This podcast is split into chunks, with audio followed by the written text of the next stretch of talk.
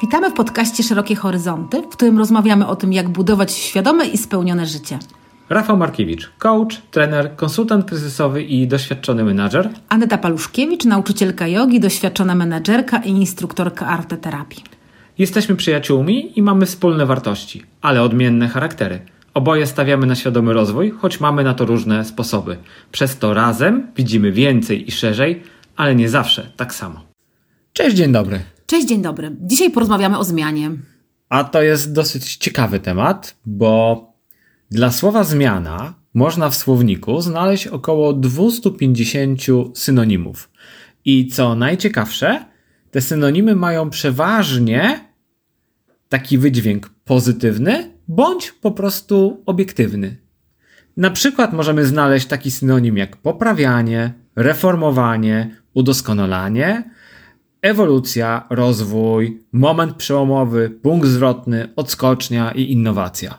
No i teraz w mojej głowie, a mam nadzieję, że nie tylko w mojej, rodzi się takie pytanie: dlaczego pomimo tak w sumie pozytywnego wydźwięku, my się tych zmian boimy i za wszelką cenę ich unikamy? No rozumiem, że nie zadajesz pytania retorycznego, więc po prostu na nie odpowiem. No według mnie to wynika po prostu, że boimy się wyjść z tak zwanej strefy komfortu, czyli z czegoś, co już znamy, co jest nam bliskie, co jest nam może nie zawsze komfortowe, ale jednak znane. Zmiana jest czymś nowym. Dobra, a gdybyśmy mieli doprecyzować, co tak naprawdę rozumiesz pod wyjściem ze strefy komfortu? No właśnie z czegoś, co jest nam po prostu znane, już sprawdzone, E, a nie jest jeszcze nowe, bo zmiana jest czymś nowym. Zmiana jest obarczona jakimś ryzykiem, może być obarczona lękiem, obawami po prostu, czy się uda, czy się nie uda. Także myślę, że to jest właśnie wyjście z strefy komfortu, że jest coś, co wychodzimy z czegoś, co jest nam znane, w coś nowe. Sądzę, że powiedziałaś coś bardzo istotnego, czyli o tym ryzyku. Dlatego, że zmiana nigdy nie daje nam 100% szansy na sukces. Zawsze jest to jakieś ryzyko, a strefa komfortu powoduje, że znamy daną rzecz czy sytuację, dobrze się w niej poruszamy, jest dla nas, dla naszego, dla naszego mózgu, może o tak, bezpieczna. I też nasz mózg nie musi się za bardzo napracować. W czymś, co jest znane, może w zasadzie działać na takim półautopilocie. Każda zmiana, każda, każde, każda sytuacja, w której musimy się inaczej zacząć zachowywać, do której musimy się przystosować, zabiera nam energię, zabiera nam uwagę, czyli byśmy powiedzieli z takiego ewolucyjnego punktu widzenia jest nieopłacalna dla naszego mózgu. Z punktu widzenia mózgu, czy też ego, e, czyli zespołu naszych przekonań po prostu, prawda? Bo tak jakbyś powiedzmy, gdybyśmy nie mieli lęków, gdybyśmy nie mieli tego przekonania o tym, o tym ryzyku, to myślę, że praktycznie byłoby, byłoby, to, byłby to sukces, niezależnie od celu, od, od wyniku. E ja bo, myślę... nie, bo nie zastanawiałbyś się na tym, czy się uda, czy nie uda. To nie byłoby ważne po prostu. Tak, to teraz mamy kolejną kwestię, mm -hmm. którą poruszyłaś, bo w ogóle ten temat jest tak szeroki, że nie wiem, czy to powinno być jedno nagranie na temat zmiany, bo książki o grubych tomach są na ten temat napisane. Natomiast zmiana nie zawsze zależy też od nas, nie? Bo mamy jakby dwa rodzaje zmian. Zmiany, której my chcemy, którą my inicjujemy, co wcale nie oznacza, że się jej nie boimy. Mhm i zmiany, które przychodzą z zewnątrz, na, przed którymi nie możemy się w żaden sposób bronić, a niektórych nie możemy uniknąć. Wymyślmy sobie taką teoretyczną zmianę, która przychodzi, o której nie wybierasz. Czyli powiedzmy, że zapada decyzja w naszym państwie, że podatki dla prowadzących działalność gospodarczą idą 50% w górę, mhm. co, jak sądzę, oznacza, że nie wiem, czy będziesz potrafiła zarobić na swojej firmie. Jak ty podchodzisz do takiej zmiany? W takich sytuacjach, na które ja nie mam wpływu, skupiam się na rozwiązaniach. Na przykład w tej hipotetycznej sytuacji, którą podałeś, no to widzę rozwiązanie. Mogłabym po pierwsze przeprowadzić się do innego państwa, gdzie podatki są na przykład bardziej sprzyjające dla przedsiębiorców. Mogłabym też e, zamknąć swoją działalność gospodarczą, zakończyć e, działania. Mogłabym na przykład też nastawić się, co mi się najbardziej chyba podoba, nastawić się na większe przychody i wtedy płacić te podatki. Mm, natomiast no nie uniknę przy takich sytuacjach emocji oczywiście, bo one też się pewnie pojawią. Też się pewnie pojawi jakaś frustracja, że na to nie mam wpływu jednak, a, a muszę się temu poddać. Natomiast na, to, to nastawienie na rozwiązania bardzo jest mi pomocne w, taki, w takich, takich sytuacjach, a nauczyłam się tego w pracy w korporacji na stanowisku menedżerskim, dlatego że tam było, było wręcz wymagane, żeby myśleć rozwiązaniami. Czyli można by powiedzieć, że zaciskasz zęby i jedziesz dalej. No ja bym tego tak nie ujęła, że zaciskam zęby. Bardziej akceptuję to, że zmiana jest nieuchronna. Natomiast no, do, do, specjalnie dodałam to, że to nie znaczy, że nie mam emocji z tym związanych. Zmiany bywają nieuchronne, akceptacja może się pojawi, ale myślę, że czasami zaczynamy działać wtedy, kiedy jeszcze jesteśmy sfrustrowani tą sytuacją. Stąd mówiłem o zaciskaniu zębów i po prostu jechaniu do przodu. No to wiesz co, nie, nie wiem szczerze powiedziawszy. W sensie takim, że pamiętam takie sytuacje z mojej przeszłości, że, że to było, że to się działo, szczególnie w pracy na takich wysokich obrotach. Natomiast w tej chwili e, no, zaraz pewnie powiem, jak nie mam takich sytuacji, to będę miała przykład. Dobra, to nie kończ, żeby nie wywoływać. No właśnie, no właśnie. Ja doskonale pamiętam takie sytuacje, kiedy przychodziłaś do mnie do biurka z wściekłością i mówiąc ja pierniczę, to tak ładnie powiedziałem. Wersja cenzurowana. Tak, co, co oni wymyślili.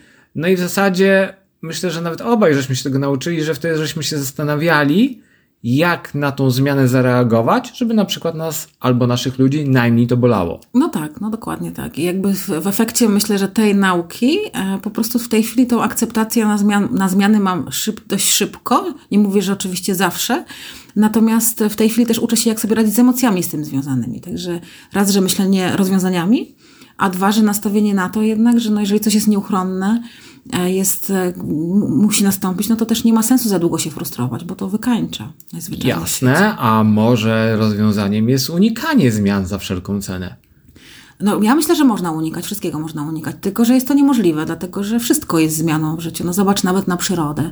E, są, są pory roku, prawda, wszystko jest cyklem. Jest takie ładne powiedzenie, które nawet mówi, że jedyne co pewne jest, to jest zmiana. Ja to w moim życiu widzę, więc może i można unikać, ale zmiany tak są nieuchronne, one i tak cię pewnie dopadną. Czyli albo ja je będę świadomie wdrażał w moje życie i przez to je kształtował, albo zmiana, bez względu na to, co ja sobie o niej myślę, i tak to moje życie pozmienia. Dokładnie. I te, o tym do, myślę, że do tego zachęcamy w tej części, prawda, naszej rozmowy, żeby, żeby świadomie po prostu tych zmian podchodzić. Czyli, żeby powiedzieć jasno, nie zachęcamy, żeby czekać, aż zmiana sama przyjdzie, tylko do tego, żeby je planować, podchodzić do nich w miarę racjonalnie i po prostu wdrażać je w życie. Mówi się o tym, że e, w życiu los daje nam lekcje i w momencie, kiedy my tych lekcji nie odrabiamy albo nie zdajemy tych lekcji, to on będzie tak długo działał, aż w końcu dostaniemy taką nauczkę, która nas do czegoś zainspiruje bądź przyzwyczai. Tak, ja myślę, że tak jest w życiu. Natomiast nie też, żebyśmy chcieli straszyć po prostu, no bo... Znaczy, no dobra, nie straszmy, tylko no, to jest proste pytanie. Lubisz zmiany? Lubię zmiany i to mówię z czystym sumieniem, lubię zmiany. Mnie to po prostu też motywuje. Co nie znaczy, że nie boję się, bo jest tak często, że boję się, ale robię. To ja mam trochę odwrotnie, bo ja nie lubię zmian. Mhm. Mm, lubię mieć wszystko pod kontrolą, uporządkowane i zaplanowane. I każda zmiana, która jest szczególnie taka niespodziewana, lekko mnie wyprowadza z równowagi. Natomiast pomimo, że ich nie lubię, to też je wdrażam, bo właśnie nie chcę być w takiej sytuacji, że to zmiany zdecydują, kiedy zaistnieją. Ja je staram się wyprzedzać. No ja mam podobnie, chociaż czasami jest tak, że na przykład nie mam gotowości na coś i wtedy po prostu potrzebuję albo czasu, albo e, jakichś takich okoliczności, które mnie do tego popchną po prostu, pomogą mi troszeczkę i tak też bywa po prostu. Bywa i to jest też yy, coś, nad czym czasami dyskutuję z moimi klientami, to znaczy bardzo często, kiedy coś dzieje się w ich życiu, oni chcą szybko, intensywnie wprowadzić zmianę. A ja wtedy się zastanawiam, czy oni mają wystarczającą ilość energii, żeby tą zmianę udźwignąć.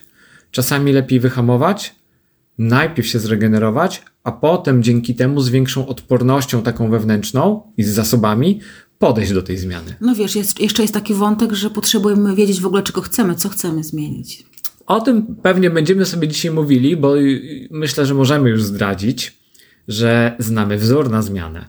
No, to znaczy ty znasz. Okej, okay, dobra, ja go znam, ale mam nadzieję, że po tym nagraniu poznają go wszyscy i tam będziemy mówili o takich aspektach. Natomiast zanim przejdziemy do kwestii matematycznych, uspokajam humanistów, trochę żartuję. Eee, zacznijmy może od tego, że zmiana generalnie składa się z takich trzech etapów. Pierwszy etap to jest w ogóle decyzja o tym, że chcę zmiany. Mówimy o świadomej zmianie w tej tak, chwili. mówimy o świadomej, chcemy. bo generalnie dzisiaj chyba raczej będziemy o tych zmianach, mhm. o tego typu y, zmianach mówili. Czyli jeszcze raz, pierwszy krok czy pierwszy etap to jest decyzja o zmianie. Drugi to jest wdrażanie tej zmiany. I trzeci to jest finalizacja zmiany, czyli uznanie, że zmiana faktycznie zaistniała. I każde z nich ma swoje specyficzne sytuacje. Jak ty podejmujesz decyzję o zmianie? No przede wszystkim potrzebuję wiedzieć, czego właśnie chcę, jaką mam wizję, jaką mam ideę. E, no i jeżeli już wiem, czego chcę, no to po prostu podejmuję decyzję. Mo, można, w zależności od tego, jaka to jest zmiana, tak? Bo jeżeli miałbym się przeprowadzić, powiedzmy, do innego miasta, no to jest kwestia decyzji na przykład do którego miasta, tak? E, do, e, czy, czy chciałabym od razu tam wynająć mieszkanie, czy znaleźć najpierw pracę, więc jakby no, jest szereg działań, które mają doprowadzić mnie do tego, żeby tą zmianę wdrożyć. Mm, jak to się zadziało e, w takiej sytuacji, że wiesz, że na pewno się wyprowadzasz? No jest to ta chęć. Mhm. Jest to ta chęć, jest motywacja do tego, że chcę coś zmienić w życiu. Dobra, dlaczego? Nawet pewność bym powiedziała. A, okej. Okay. Dlaczego ja o to pytam? Bo to, co się nam zdarza na tym pierwszym etapie, kiedy podejmujemy decyzję o zmianie, to są takie dwa stany, w których może być e, nasz mózg. On się nazywa czy i jak. Stan czy powoduje, że nie działamy, tylko zastanawiamy się czy ja sobie poradzę z tym wyzwaniem, czy ja na pewno jestem odpowiednią osobą, żeby się tym zajmować, czy to mi wyjdzie, czy nie wiem, otrzymam pomoc, kiedy coś się będzie zadzieje, tak? Te czy powoduje, że nasz mózg w ogóle nie myśli o tej zmianie, tylko rozważa, czy w ogóle w nią wchodzić.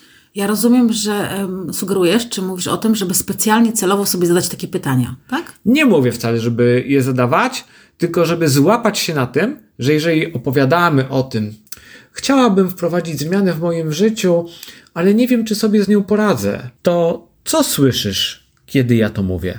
No, słyszę wątpliwości, rozterki i twój lęk. I teraz zobacz, że ja, oprócz tego, co ty słyszysz, widzę też pewną bierność. Tam nie ma działania w ogóle. Tam jest cały czas rozmyślanie.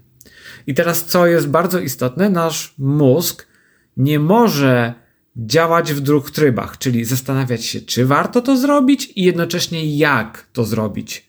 On do odpowiedzi na pytanie jak przejdzie dopiero wtedy, kiedy podejmujemy decyzję, że to robimy. Kiedy ty byś się zastanawiała, czy się wyprowadzić do innego miasta, to być może tak byś się zastanawiała przez kilka lat. Mhm. Kiedy podjęłaś decyzję, wyprowadzam się, to twój mózg z automatu dostaje komunikat wyprowadzka i zaczyna rozkminiać, jak tą zmianę najlepiej Czyli przeprowadzić. Czyli już na działanie. Na działanie. I teraz to, co jest ważne, kiedy ktokolwiek mówi, myślę, planuję, żeby zmienić coś w swoim życiu, to złapmy się na tym, na którym progu jesteśmy. Na pierwszym, czy, czy już jesteśmy na drugim, jak. Ktoś w jak bardzo szybko wdroży tą zmianę. Natomiast w etapie 3 rozumiem, że możemy utknąć latami. Dokładnie i wiele osób niestety ciągle w nim funkcjonuje, nawet może, do końca życia. I to może być frustrujące. Tak. I to też powoduje, że zobacz, ciągle rozmyślając, spalasz energię, którą mogłabyś już przetransponować na działanie. Mhm. A ty w tym momencie już jesteś zmęczona samym myśleniem o zmianie, bo ciągle próbujesz odpowiedzieć na pytanie, czy. No pewnie też tutaj rolę mają te lęki nasze, prawda, obawy. I tutaj bardzo często jest taki moment pracy z moimi klientami, gdzie ja zadaję pytanie, ok, co najgorszego może się wydarzyć? I idziemy przez najgorszy scenariusz. Najgorszy, najgorszy, jaki może być. I się bardzo często okazuje, że te najgorsze nie są, nie są wcale aż takie straszne. No dobra, to był pierwszy krok. Potem mamy drugi, kiedy już wiemy, że ją wdrażamy, zastanowiliśmy się jak, i tutaj również trafiamy na pewne wyboje. Myślisz, że co to może być? Mamy na myśli, masz na myśli ten etap działania już? Działamy. Mhm. Mhm.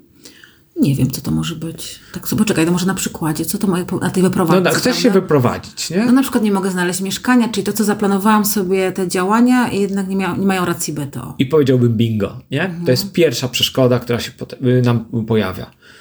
I jak klient mówi, kurczę, chciałem to zrobić, ale no kurczę, widzisz, tutaj to nie zadziałało. To ja zawsze mówię, ok, to los robi ci taki test. Czy na pewno chcesz tej zmiany? Podsyła ci pierwszą kłodę pod nogi i patrzy, czy się wycofasz, czy jednak nad nią przeskoczysz i pójdziesz dalej. I to jest rzecz, która jest bardzo ważna, żeby też mieć taką świadomość, że nawet jak mamy zaplanowaną zmianę, to nie zawsze ona się potoczy, a może powiedzmy prawie nigdy się nie potoczy, tak idealnie, jak żeśmy sobie to zaplanowali. Przeszkody i perturbacje są stałym, typowym dla zmiany elementem. No właśnie, przy tym pewnie jest determinacja do tej zmiany, nastawienie, motywacja i jednak przejście przez te lęki, przez te obawy. Jeszcze tylko się zastanawiam, jak jest opór na przykład, czy te kłody, jak, jak, jak to nazwałeś, e, to gdzie tutaj jest rola intuicji, która na przykład gdzieś nam tam daje sygnał, że to nie jest dla nas jednak do, no, dobra opcja. E, To teraz e, może ty mi będziesz potrafiła odpowiedzieć, jak rozróżnić e, intuicję od ego, które się broni przed zmianą. Ca, cały czas się tego uczę, wiesz, e, no, bo to w praktyce po prostu trzeba sprawdzać, doświadczać i tyle. I, i trudno. I nie, nie, nie bać się po prostu też, e, no ja nie wiesz, że ja nie lubię e, słowa porażka, e, bo wolę wyzwania i doświadczenia, bo tak też na to patrzę i to zmienia moją perspektywę i też odczuwanie tego. Natomiast po prostu, no, czasami cała, sama podróż jest, tak, do tej zmiany może być ciekawym doświadczeniem, a nie sam cel. I to już nam dużo w życiu wnosi. Uczono mnie na coachingu, że e, często kiedy się pracuje z klientami i klient mówi, y, czuję, że to nie jest jakieś niefajne na przykład, to żeby zadawać mu pytanie, gdzie to czuję. O, w ciele to też jest tak. Ja też Ale tak gdzie, ale gdzie w ciele Konkretnie. to czuję? Konkretnie, dlatego że mówi się tak, że jeżeli czuję to w głowie, tak to, to pochodzi z mózgu. To Czyli- jest czyli nasze obawy- ego. obawy- Być może ego właśnie znalazło jakiś sposób, żeby cię trochę zahamować, ograniczyć, albo żebyś się wycofała tej zmiany. Jeżeli czujemy to na wysokości gdzieś tam korpusu klatki piersiowej, to to idzie z intuicji. Mhm. Nie? Jeżeli tutaj czujesz, to to jest taki opór, a jeżeli idzie to z poziomu żołądka, to jest to instynkt. O, A instynkt być może broni się przed tym, żeby nie wchodzić w coś, co jest nieznanego, nie? Czyli na tym przykładzie, je- jedynie jeżeli ta emocja, to czucie by się pojawiło gdzieś w okolicach klatki piersiowej, to to jest intuicja. Reszta to będą zabiegi prawdopodobnie naszego ego. Żeby powstrzymać przed zmianą, bo tak jak sobie tam wspominaliśmy, jednak ego czy też mózg jest leniwy, nie lubi zmian. Tak, aczkolwiek też od razu musimy przyznać chyba, czy też wyjaśnić, że wiele z, wielu z nas, kiedy nigdy nie pracowało nad sobą, w ogóle nie potrafi odpowiedzieć na pytanie, gdzie to czuje.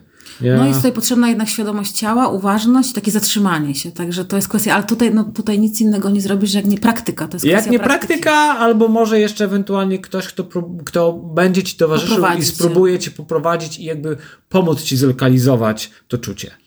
Natomiast oprócz pierwszej kłody, na którą trafiamy w czasie wdrożenia zmian, jest jeszcze jeden taki etap. Bym powiedział, że tam jest wtedy całe mnóstwo kłód. E, dlatego, że bardzo często e, ludzie zajmujący się rozwojem osobistym mówią: wyjdź ze strefy komfortu, tam się dzieje magia. Kurna, magia to się dzieje, jak przejdziesz przez strefę paniki. I to jest właśnie ta strefa, w której się pojawia dużo kłód. Kiedy jesteś już zmęczona zmianą, kiedy zaczyna ci brakować determinacji, kiedy być może na twoje życie nałożą się inne jeszcze elementy, które cię wyczerpują, i ty mówisz, po cholerę była mi ta zmiana. I część ludzi na tym etapie podwija ogon i ucieka z powrotem do strefy komfortu, bo pamiętają, jak tam było ciepło i miło, a oczywiście ego będzie ich dopingowało w tym ruchu. A to znaczy, że jeszcze nie wyszliśmy z tej strefy komfortu. Dokładnie, więc jakby miejmy świadomość. Na pewno w zmianie pojawi, pojawi się pierwsza kłoda. Może się pojawić też, nie? Bo to też jest tak, ja myślę, że zależy jaka zmiana, wiesz, czy to jest Nie, chyba nie znam sprawa. zmiany, w której coś nie poszło nie tak. Nie musi to być grube, ale generalnie idzie inaczej niż zakładał plan. No tak, no to może ja troszkę na to patrzę faktycznie, że idzie inaczej niż zakładał plan, o tak bardziej. Okej, i to jest ta pierwsza kłoda, nie? Pamiętaj, że ty też masz taki trochę sznyt menedżerski, czyli myśmy się trochę uodpornili. Na kłody. Na kłody. E, No i jest ta strefa paniki, kiedy brakuje ci siły, albo nagle stwierdzasz, że chyba nie wyrobi się w terminie i, i trzeba, cze, i wtedy trzeba trochę się uspokoić, zobaczyć, gdzie jesteśmy, gdzie powinniśmy być. Może czasami podjąć decyzję, że odpuszczamy jeden czy dwa elementy tej zmiany, bo wzięliśmy sobie za dużo na bary i pójść dalej. Albo też nie, bo może być tak, że nie ma sensu przejść do przodu, jeżeli po Tak. prostu to na, tak naprawdę nie jest dla nas. Gdzieś, gdzieś tam było tylko w sferze wyobraźni, ale Dokładnie, tylko wtedy y, spróbujmy to racjonalnie zrównoważyć, a nie czmychnijmy po prostu z powrotem do strefy komfortu, bo tam było no to, wygodniej. to znowu wracamy do techniki, czy też treningu tego, co to jest intuicja, a co to jest Dokładnie. opór. Już trochę o tym żeśmy gadali. No i dobra, i mamy teraz ostatni etap zmiany, czyli finał. Hmm. Tu się robi już miło chyba. Tu się robi miło, chociaż czasami nie wiemy, co oznacza zmiana. W takiej metodyce projektowej ten etap nazywa się coś tak, czymś takim jak definition of done. Po czym poznam, że wdrożyłem zmianę? No po efektach, ja myślę. Jeżeli nie założyłaś, w jaki sposób te efekty mają się zamanifestować w życiu, to możesz wprowadzać tą zmianę przez całe swoje życie. No to, tylko to trochę takie projektowe podejście może jest, ale dobrze wiedzieć, do czego zmierzamy. Jak Wiesz co, to może posłuszę się nieprojektowym przykładem, a jeszcze z moich studiów, kiedy mieliśmy ćwiczenia z negocjacji i ja byłem w parze z drugą koleżanką i mieliśmy zadanie wynegocjować cokolwiek. Ja byłem tym, który chciał coś uzyskać. I kurczę, myśmy tak zapalczywie weszli w te negocjacje, że w pewnym momencie prowadząca przerwała i mówi: Stop, wyście już wynegocjowali to, co mieliście 10 minut temu. Nie było tego punktu, po którym rozpoznaję, że zmiana weszła. I teraz bardzo ważne jest to, że ok, co chcę tą zmianą osiągnąć i po czym poznam, że ona się zadziała? To jest bardzo ważne pytanie, które powinniśmy sobie umieć odpowiedzieć. I mówimy sobie, ok, zmiana już jest. Weźmy sobie na przykład e, teoretyczny kurs na prawo jazdy. Zakładasz, że to, że chcesz wprowadzić zmianę w swoim życiu, posiąść umiejętności prowadzenia pojazdu, skończy się tym, że uzyska, uzyskasz uprawnienia do jego prowadzenia, czyli krótko mówiąc, prawko. No tak, a to jeszcze czy będę prowadzić i będę dobrym kierowcą, to już są dwa różne tematy. To Teraz jest- rozsuwamy, rozumiem. To jest drugi etap.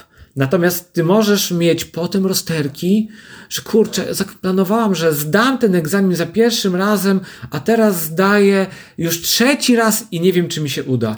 Nieważne jest tak naprawdę, ile razy do tego No, podejdziesz. szczególnie, że chyba w dzisiejszych czasach jest e, nadal tak, że to za, raczej rzadko się zdarza za pierwszym razem. Tak, ale czy znasz tych, którzy podeszli jeden, drugi, trzeci, po czym stwierdzili, e, jak nie udało się za trzecim, to nie dla mnie. tak, znam, znam takie słyszę sytuacje, takie przykłady. Ewentualnie znam takich, którzy piszą prace magisterskie przez rok, dwa, wkładają mnóstwo wysiłku, mają tą pracę napisaną i czego potem nie robią? Nie, nie oddają. Nie, Nie oddają, tak, nie tak, konsultują tego z mm, prowadzącym i nie wykonują dwóch, trzech finalnych kroków, które doprowadziłyby do tego, że mieliby na papierze to, że są magistrami. I właśnie to, jeżeli ty sobie nie zdefiniujesz, co ma być tym punktem, w którym poznasz, że zmiana się zadziała, powoduje, że mamy takie fałszywe przekonanie, że no prawie przecież już jest. Ale nie ma efektu faktycznie. Ale nie no, ma sama też mam efektów. takie, takie sytuacje w życiu, które tak właśnie zrobiłam, że skończyłam coś na etapie takim, który nie przyniósł efektu i tak naprawdę nie była to zmiana. Był, był to pewien etap tej zmiany. I teraz tak, bardzo często właśnie w to, tutaj na tym etapie w pracy przychodzi nasz przełożony, który ciśnie i dociska i mówi, no jeszcze to, jeszcze to, chcę raport końcowy, potwierdzenie, że zostało to wdrożone, protokół odbioru. Projekt się nie kończy. E, no okej, kończy się albo wchodzimy w drugą fazę, ale on dociska. Czasami to jest moja rola w pracy z moimi klientami. Kiedy oni mówią, no kurczę, mam napisać pracę magisterską, ale nie wiem jak to dociągnąć, już nie wiem co mam zrobić. Teraz ja czasami bywam takim checkerem, gdzie spotykamy się co jakiś czas i odpytuję, gdzie, je, gdzie, gdzie jesteśmy, czego brakuje do końca i co możesz już dzisiaj zrobić. No dobra, mamy przejście przez trzy etapy, które są dosyć ważne i które w, w zasadzie występują w każdej zmianie. To teraz może przejdźmy już do tego wzoru matematycznego. No jestem bardzo ciekawa. To jest dobry moment, żeby wziąć kartkę i długopis i zapisać sobie ten wzór. W razie czego podaliśmy go też w opisie do tego podcastu. No dobra, to zaczynam dyktować wzór. O jest mniejsze od n razy w razy pk. Mam nadzieję, że rozwiniesz. Mm, Zdecydowanie. No i teraz wyjaśnienie tego tajemniczego zapisu. O oznacza opór. N oznacza niezadowolenie. W to wizja. PK to pierwszy krok, a w zasadzie kroki. Przekładając to na wyjaśnienie słowne, można powiedzieć, że pierwszym warunkiem do zmiany jest to, aby opór przed zmianą był mniejszy niż niezadowolenie z obecnej sytuacji. Jednak samo niezadowolenie to za mało, aby proces zmiany był skuteczny. Bez dwóch pozostałych składników będziemy tylko narzekać i utyskiwać. Do niezadowolenia musimy dodać wizję, czyli to, jak chcielibyśmy, aby sytuacja wyglądała, gdy już wprowadzimy zmiany, oraz pierwsze kroki, jakie planujemy podjąć, aby rozpocząć wprowadzenie zmiany. Ważna zasada matematyczna przy mnożeniu nigdy nie mnóż przez zero. Więc jeżeli zabraknie jednego z tych składników, no to właśnie uzyskamy zero, bo przez nie mnożymy. Czyli nie wejdziemy dalej, nie przejdziemy dalej. Nie przejdziemy dalej i zmiana się nie zadzieje. No dobrze, to teraz może rozszerzmy opis każdego z tych poszczególnych elementów. Opór to jest naturalna reakcja naszego mózgu na nadchodzącą zmianę. Mózg z jednej strony jest leniwy i nie lubi tego, co nowe i bez gwarancji sukcesu, z drugiej strony traktuje obecną sytuację jako bezpieczną, czyli każda zmiana jest zagrożeniem. Czyli przez to opór po prostu potrzebujemy przejść. Dokładnie. Lęki związane, czy wątpliwości z tym e, pouwalniać, czy jakkolwiek sobie poradzić tak, żeby, żeby iść dalej. Tak. Bo one się po prostu pojawiają. One się pojawiają. Mhm. W zależności od tego, jakie mamy też przekonania po prostu na dany temat. Ja myślę, że nawet to nie chodzi o to, jakie masz przekonania na dany temat, bo to jest taki bardzo prosty przykład. Bardzo często, kiedy myślimy o czymś, co jest nieznane i nie wiemy, jak się potoczy, w naszej głowie odpalają się filmy. I prawie w 100% głów te filmy będą negatywne. Czyli na przykład, jeżeli ma być egzamin, o rany, mogę go oblać. Jeżeli ma być zmiana pracy, to co, jak nowa, będzie gorsza od tej, w której jestem. Jeżeli mam wyjść z toksycznego związku, to co jeśli nikt inny nie będzie mnie chciał? No widzisz, ja tutaj mam przekonanie takie, -hmm. że akurat te przekonania można zmienić i w tym momencie do tej zmiany wchodzi, przychodzi się inaczej. Tak, i ja bym powiedział, że nawet je trzeba zmienić, bo zobacz, kiedy odpalasz sobie film negatywny, to zapominasz o tym, że równie dużą szansę powodzenia mają filmy w głowie te pozytywne. No właśnie, skupiamy się na negatywności i wtedy po prostu jest mniejsza szansa na sukces. Tak, to znaczy, ja, ja nie wiem, czy my się skupiamy. Ja myślę, że to jest nat naturalny odruch naszego, jak żeśmy powiedzieli, trochę leniwego mózgu, który nie czy lubi też, zmian. Czy też ego. Czy też ego, nie? Więc to, że takie, taka myśl nam się w głowie pojawia spokojnie, ale zatrzymajmy się, złapmy ją i uświadommy sobie, że szansa, że coś pójdzie nie tak, jest taka sama, jak na to, że pójdzie coś ok. Tak, bo tutaj jeszcze warto dodać, czy też powtórzyć, że my zachęcamy do tego, żeby się przyjrzeć temu, co się pojawi, a nie żeby udawać, że tego nie ma jak najbardziej, więc e, te, te, jeżeli te sytuacje, te, te przekonania się po prostu w, te, w postaci tego oporu, czy w postaci tych lęków pojawią, to one są do zmiany, ale też nie uciekajmy od tego, że jeżeli się pojawiają, prawda? Można je sobie na przykład wypisać na kartce, żeby się z nimi, że tak powiem, oswoić, bądź zacząć się zastanawiać, w jaki sposób możemy im przeciwdziałać. Metod jest sporo, to też może Dokładnie. w innym odcinku opowiemy troszkę o metodach uwalniania. Tak. I, I teraz ważne, ważne tutaj jest jeszcze to, że kiedy nam się odpalają te negatywne filmy, często zwlekamy ze zmianą, czyli zaczynamy prokrastynować. Mhm. Ciężki wyraz dla mnie, krótko mówiąc, odkładać w czasie na lepszy czas, na to, jak zbierzemy odpowiednią liczbę, nie wiem, wiedzy, energii, czegokolwiek.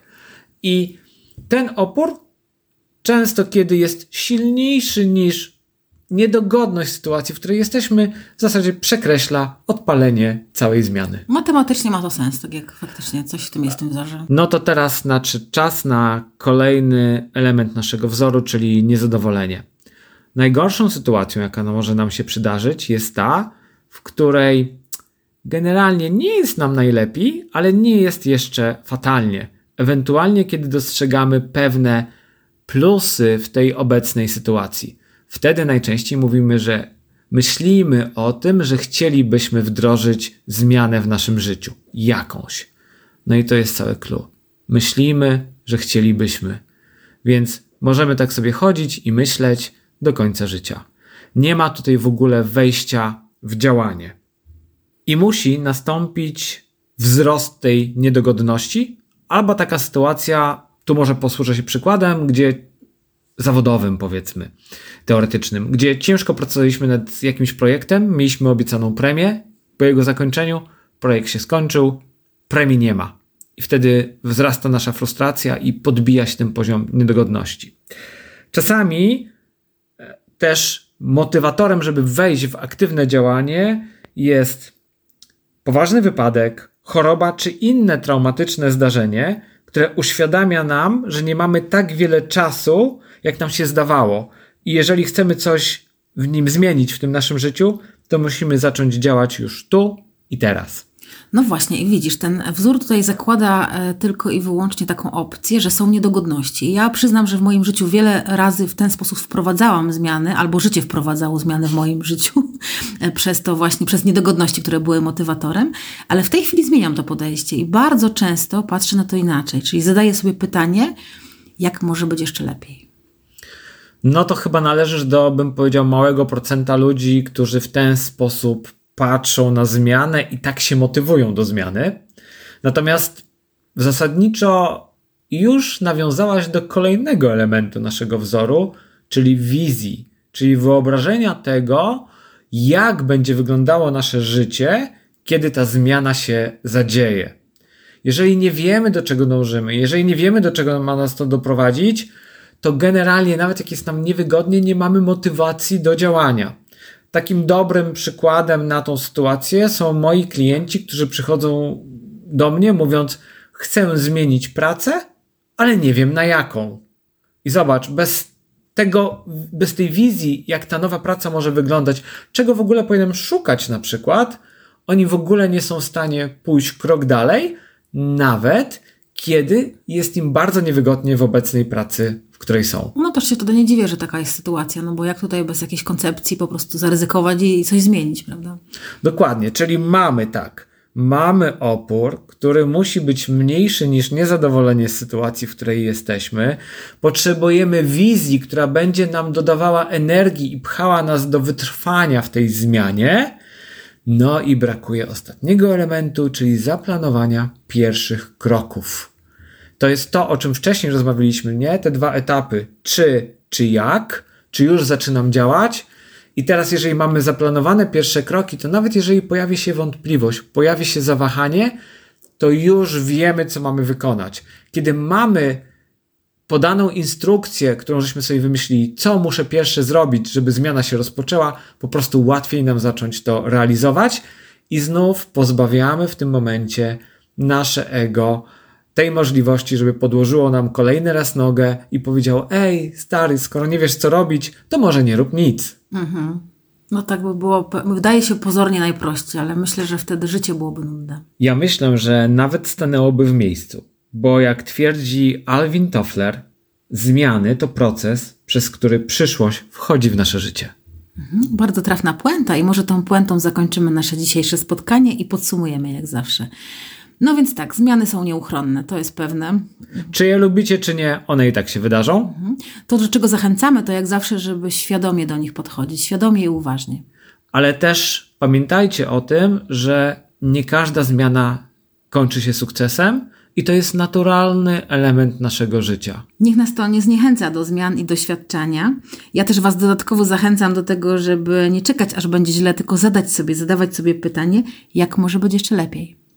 A ja dodam od siebie, jak już musicie, to się bójcie, ale mimo to wprowadzajcie zmiany w swoim życiu. Dziękujemy za dzisiejsze spotkanie i do usłyszenia. Dziękujemy, do usłyszenia.